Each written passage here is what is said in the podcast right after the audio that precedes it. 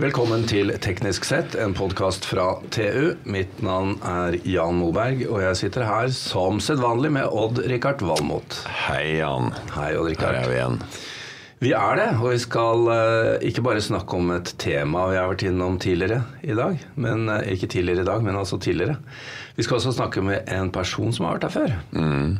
Det skal vi vente litt med å avsløre, for vi skal først gå inn på dine traumer, Odd-Rikard. Ha det, for, ha det for varmt, Jan, det liker jeg ikke. Nei. Og, Nei. og først og fremst, altså, du har riktignok 684 favorittimer, men jeg, du har ganske mange traumer òg. Det jeg. Til sammen har vi kanskje enda flere. Ja. Jeg tror det. Men det å ha det varmt, det liker du ikke. Nei, gjør ikke det. Verken i bilen eller hjemme eller uh... Der fikk du deg en smell i bilen her på forsommeren, gjorde du ikke det? Jo, altså bil uh, Aircondition-anlegget slutta å virke. Men du er, og jeg er jo en generasjon der vi ikke hadde aircondition. Jo da, og det er klart at vi har jo kjørt med vinduene åpne og uarma ut og alt det der i mange år, men, men det at en, på en relativt ny bil, litt over fire år gammel bil, øh, opplever at aircondition ikke virker, og det de sa på verkstedet, nei, det har tomt seg for gass. Gasstom. Gass! Gass. Altså ordentlig sånn øh, øh, isolasjonsgass for, i atmosfæren. Er ikke det litt sånn, Du burde ha litt sånn aircondition-skam. Absolutt. Ja. Eh, ikke jeg, men uh, Mitsubishi burde ha det. Men uh, Richard, du er jo vant til også denne komforten med å kunne sette deg inn og, og få en temperert sone. Enten den er litt, skal litt varme eller litt avkjølt. Ja. Hjemme også. Ja, ja, det, altså Når det er 30 grader ute, det skjer jo det, og det skjer oftere, så er det jo deilig å gå og sette luft til luftvarmepumpa på kjøling, da. Ja, det er jo et Det er jo, det er jo nesten bedre det enn å varme opp. Men her ligger det mye læring og mye litt konfliktområder og litt sånn. Derfor, for å snakke om dette med komfort, og også kanskje hvorfor eh, når nå airconditioning har blitt en standard i bil, hvorfor skulle det ikke være det også i hus? Ja. Vi har tidligere snakket med leder for faglig råd i Varmepumpeforeningen. David Seidemanns, velkommen. Takk for det. Du hører at vi er opptatt av dette her. Veldig, veldig. Og det er gøy. Hvorfor er hvor, Jeg var jo inne på deg før sending. Hvorfor er det ikke sånn at du kan velge aircondition i, i boligen, da? Det burde jo vært det. Ja, absolutt. Jeg mener boligutbyggeren burde ha det som et tilvalg. Men de vil ha, det, vil ha prisen ned. Ja, det er veldig fokus på å holde byggekostnadene nede. Og da blir det panelovner. That's it.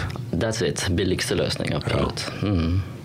Ja, det, det kan vi jo komme innom med en gang. Fordi eh, det er jo faktisk slik nå at i Norge så er det jo fritt fram for eh, fyring med elektrisitet via Ohms lov og Richard.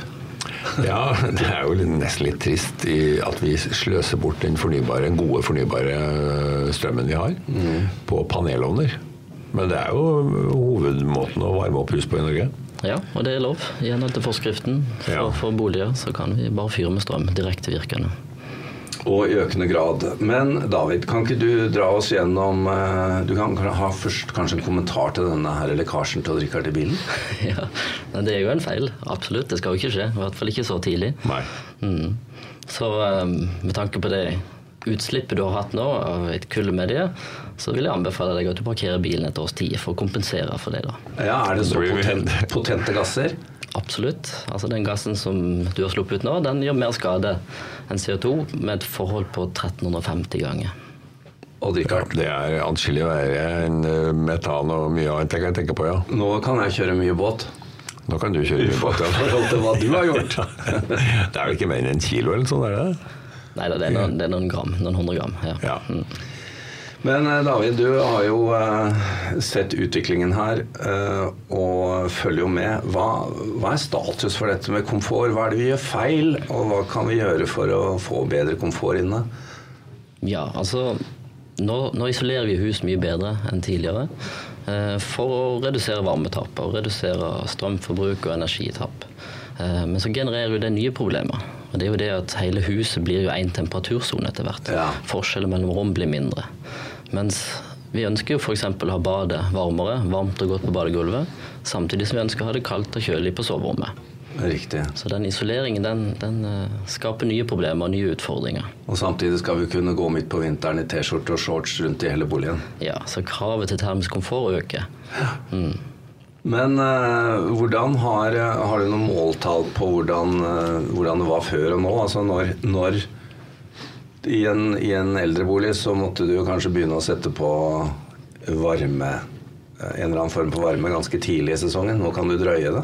Ja, altså når fyringsbehovet starter. Ja. Um, Så litt eldre hus er det typisk på rundt 17 grader ute. Når det er kaldere enn det, så, så har du et varmebehov. Eh, Nye boliger i dag, det kryper det tallet ned mot 11-12 grader ca. Så når det er kaldere enn det, det første av varmebehovet starter. Det vil si at når det er varmere enn det, så har du ikke et varmebehov. Eh, Og det er da kjølebehovet etter hvert starter. Men, men man skulle jo tro at når disse boligene blir bedre isolert, så isolerer det også godt mot uh, når det er på varme dager da, ute. Nå har vi vært gjennom en sommer som ikke var fullt så varm som i fjor. Men hadde det er jo sånn at øh, når Ja. du isolerer, så isolerer du deg også ute fra varmen. Eller? Ja. Men så har du På gamle hus så har jo ofte soverommene oppe i annen etasje, og det er varmen stiger opp. Så det blir jo ekstra varmt eh, der du vil ha det kaldt. Ja, så det er jo stikk motsatt. Ja. Så det er jo sånn at når utetemper- Ja da. Når utetemperaturen stiger, så jobber jo isolasjonen på en måte imot deg helt til utetemperaturen passerer innetemperaturen. Ja. Så når det er varmere ute enn inne, da er det klart å hjelpe isolasjonen. Da. Ja. Helt klart. Men det har jo noe også å gjøre med det, hva vi omgir oss med da, inni denne boligen, som nå er så veldig mye bedre isolert enn tidligere. Eh, selv om vi kanskje ikke har like mye varmeproduserende lys, så, så har vi mye duppedingser rundt om. Og det, det skal Ja. ikke så mye til da, kanskje å bikke dette, sånn at eh, vi får et kjølebehov. Ja, altså Vi har en prioriteringsliste. og det, aller viktigste er jo rett og slett å slå av varmen og sørge for et varmeanlegget er avslått. Ja. Det høres ut som en selvfølge, men det er ikke alltid det. Nei. Det er mye med feilsøking, og Ja. det er ofte ve- veldig vanlig årsak at varmeanlegg faktisk ikke har slått seg helt av. Altså Panelene står på litt for høy temperatur og Nei, Nå jobber jeg med vannbaserte og Ja, ja. litt sånn gøyere ting, da. Ja.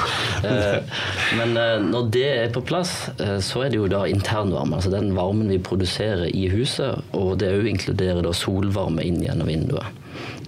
Ja, hvor, mye, hvor mye genererer det, da? Altså vi, sånn vinkelrett på sola, når sola står på, så er det en kilowatt per kvadrat, faktisk. Aha. Det er, Det er det er ganske formidabelt, altså. Det er det. Ja. Så da er det det som virker best, det er utvendig solavskjerming. Ja. Rett og slett. Markiser og Markiser, utvendig solavskjerming og skygger, det er det som er mest effektivt. Det mest effektive komforttiltaket på varme soldager. Ja, det er det, det er det første du må vurdere. da. Eh, og så må du selvfølgelig se på intern varmeproduksjon. Altså Har du mye halogenbelysning eller gamle glødepærer, så vil jeg anbefale å bytte de ut til, ledd. LED. Ja. Eller noe som bruker mindre strøm, rett og slett. Fordi at det ja. blir jo til varme til slutt uansett. Har du noen sånne glødetråder igjen? Nei, vet du hva, Jan, jeg har et sånn hatforhold til alt som gløder på for å lage lys. Så jeg var først til sparepærer og først til LED. Det er LED. Det er ledd. Du har alle disse her laboratoriene gående hjemme hos deg for å se ting i live-test. ja, noe, så- noe sånt. Men så er det jo mennesker òg. Vi lager mye varme, vi òg. Ja, ja. Kroppen eh, har vi varme, avhengig av aktivitetsnivået aktivitetsnivå og hvor, hvor store vi er. Men når vi ligger helt stille og sover, Ja. da Da avgir du ca. 46 watt per kvadratmeter hud. Så da er det bare å starte målet måle opp hvor mye hud du har. blir det noen hundre watt på oss, da, likevel. ja, vi, vi må slanke oss, igjen. Det er ingen tvil om det. Nei, En gjennomsnittsperson har vel 1,8 kvadrat, så vi regner 80-90 til 100 watt per. Ja, men det er ganske mye, da. Ja, det er faktisk når i en velisolert bolig øh, Jo mindre rommet er, så blir det jo Dette er ganske mye. Ja, spesielt på soverom. To personer som sover, så har du nesten 200 watt hele tiden. Og da stiger temperaturen, rett og slett. Hvis ikke du fjerner den varmen. Er det kaldere ute enn inne, så kan du selvfølgelig åpne vinduet. Det vil hjelpe, men da slipper du samtidig inn forurensa luft og pollen og støv. Veistøv, f.eks. Om sommeren, ja. ja. Mm, om sommeren. Men vi kan jo ikke snakke med deg, David, uten å komme inn på eh, varmepumpe som løsning også. Ja, altså når du har gjort de tiltakene du kan for å redusere kjølebehovet, eh, så kan du vurdere å starte med kjøling. Eh, Og Da deler vi opp i to kategorier. Det er passiv kjøling og aktiv kjøling. Den passive betyr egentlig at du ikke bruker strøm for å kjøle. Det er jo den som er den den morsomste og den mest effektive. Ja. Så hvis du f.eks. har en bergvarmepumpe eller energibrønn, så er det en ypperlig anledning da, til, eller mulighet til å koble seg på den og så bruke energibrønn for å kjøle. Ja, da, og det, da får du kjempevirkningsgrad. Ja, ja, du bruker nesten ingenting strøm. Det er kun den lille sirkulasjonspumpa som surrer går på 10-20 watt. Så da er det så å si gratis kjøling. Og hvis du kobler det rikt, på riktig side på varmepumpa, så fungerer det sånn at når du kjøler på soverommet f.eks., så flytter du den varmen via varmepumpa og til varmtvannet ditt, eller til det varme badegulvet ditt. Så får du energiforflytning inn i huset. Ja, For du henter altså øh, kjølig vann fra 200 meter ned? Riktig. Og bruker det til å kjøle ned huset med? Ja, I den brønnen så sirkulerer det en væske som er frossikker, Ja. enten sprit eller en glykol. Um, og Den kan du da bruke enten direkte eller via en varmeveksler, og du kan kjøle i rommet. Da må, men da må du ha en, en ding som avgir den kjølingen. da. En, øh, en radiator av noe slag? Ja, Det mest effektive det er å bruke en viftekonvektor. Ja. Så Det ser ut som en radiator, egentlig, og så er det en liten vifte inni der som, som blåser lufta. Ja. Så Det er det absolutt mest effektive måten å kjøle på. Og det, selv om vi er på feil side av sesongen nå, så tenker jeg at det, når folk nå skal mange antagelig kjøpe seg varmepumpe, husk at den også er fortreffelig til å kjøle ned på sommeren. Bruke til aircondition. Ja. Ja, Det er jo luft til luft også, men da bruker du jo strøm. Ja, så det er jo aktiv kjøling. Ja. Eh, og en luft-til-luft-varmepumpe er jo den enkleste måten og billigste måten å få kjøling på. Mm. men da må en være veldig obs på hvor en faktisk eh, plasserer den inndelen.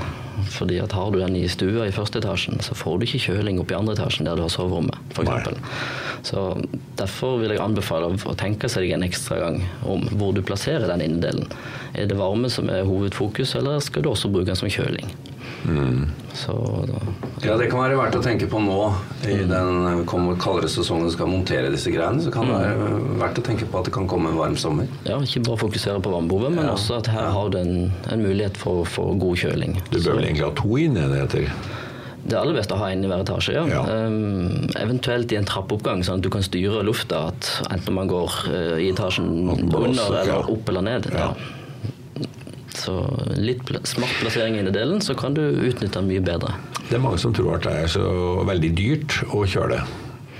Ja, det er jo en myte det at å bruke en luft luftvannpumpe som kjøling, eh, da mister du hele besparelsen du har til på vinteren, Ja. og det er feil. En luft luftvannpumpe er veldig effektiv og bruker veldig lite strøm når den brukes som kjøling. Og det er fordi at det temperaturløftet den har er veldig lavt. da.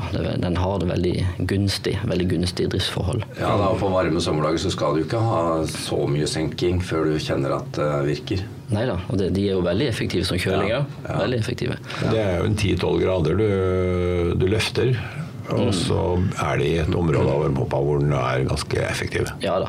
Så, så det at de bruker veldig mye strøm som kjøling, det, det er en myte. Pluss at det er ikke så mange timer i løpet av et år du, du trenger den kjølingen som maks. da. Men nå er det jo slik også, da vi kom inn på det, vi har jo bl.a. snakket med her Odd-Rikard Otto, som jo har installerer solpaneler, altså mm. solcellepaneler på boliger rundt om. Det altså må jo være en perfekt match da. Når det er varmt om sommeren, så får du billig strøm til eh, nedkjøling. Ja, absolutt. Det er jo rart at ikke dette tar av mer nede i Europa sånn, hvor det er varmt. Ja, men det er jo det som er trenden da. Det er jo Ja. mer og mer aktuelt nede i Europa. Med solceller, absolutt, for de har jo eh, ofte et overskudd på sommeren Ja. på det varmeste. At ikke vi trenger den strømmen, egentlig. Det er jo å møte en fase med en annen fase og nulle det ut. Ja, og da kan du jo drive da en luft-luftvarmepumpe som kjøling istedenfor. Mm. Istedenfor å selge den strømmen ut til en lav pris, da. Ofte. Veldig spennende. Eh, Det er jo eh, Vi må jo ta med det òg. Det er jo Vi nærmer oss tiden da hvor det blir forbudt å fyre med olje. Mm. Det er bare noen måneder igjen. Ja. Uh, Hva skjer med varmepumpemarkedet nå, da? Nei, det er en kraftig økning. Det er jo en eksplosjon. Til tross for at disse støtteordningene er litt redusert? Eh, Ja, de har nå blitt litt redusert, og støtten for å skifte ut oljefyren og fjerne oljetank, det forsvinner jo helt. Ja. Så, um, men eh, den siste reduksjonen du tenker på, den, vi merker ikke den sånn tydelig. Det er fortsatt et stort salg av varmepumper, og spesielt eh, de vannbaserte, altså luft til vann og væske til vann. Ja. Eh, Og det er jo fordi at de erstatter en tidligere oljekjell. Hvor mange av de som har eh, tradisjonell oljefyring, er det som konvertere til uh, varmepumper, bergvarmepumpe og andre ting. Og hvor mange er som sier at nei, vi, vi putter inn elektrokjel, eller rett og slett bruker bioolje, som også vil være lov, tror jeg. Ja, det er fortsatt lov å konvertere til bioolje. Absolutt. Ja. Så det er et alternativ. Men det er dyrt? Ehm, det er billig å gjøre det, å gjøre konverteringen, men det er dyrt å bruke. Ja. Ehm, og skal du ha en god kvalitet på olje, så er det betydelig dyrere enn å bare fyre med strøm. Mm. Og da mister du jo komforteffekten, da. Ved å kunne bruke systemet ja, ja. til å kjøle eller balansere om sommeren. Ja. Men det vi ofte gjør, hvis det er begrensa kapasitet på, på, hovedinntaket på strømmen, slik at vi ikke kan bruke strøm som, som ekstra backup eller som spisslast til varmepumpa, så kan vi konvertere oljefyren til biolje og bruke bruke den kun de kaldeste dagene. Ja. Da er det mye billigere og lønnsomt enn å grave inn ny inntakskabel til, til bygget. Men uh, det er jo det er liksom ikke snakk om at man skal kle på seg lenger. Nei, vi Nei. vil jo gå i T-skjorte og barbeint. Ja, ikke sant? Mm. Så det er jo Vi har jo kommet ganske langt opp i behovspyramiden, da. Ja. Ja, vi, vi, kunne jo vurdere å ta på oss en genser inn også, Jan. Ja. Når det er kaldt. Sånn, det er mye, mye, penger å spare på det. Du har sånn eh, nerde-hettegenser med TU-logo på. Det har det. Den kan du ja. bruke eventuelt. Og så kan vi heller spare shortsen til sommeren.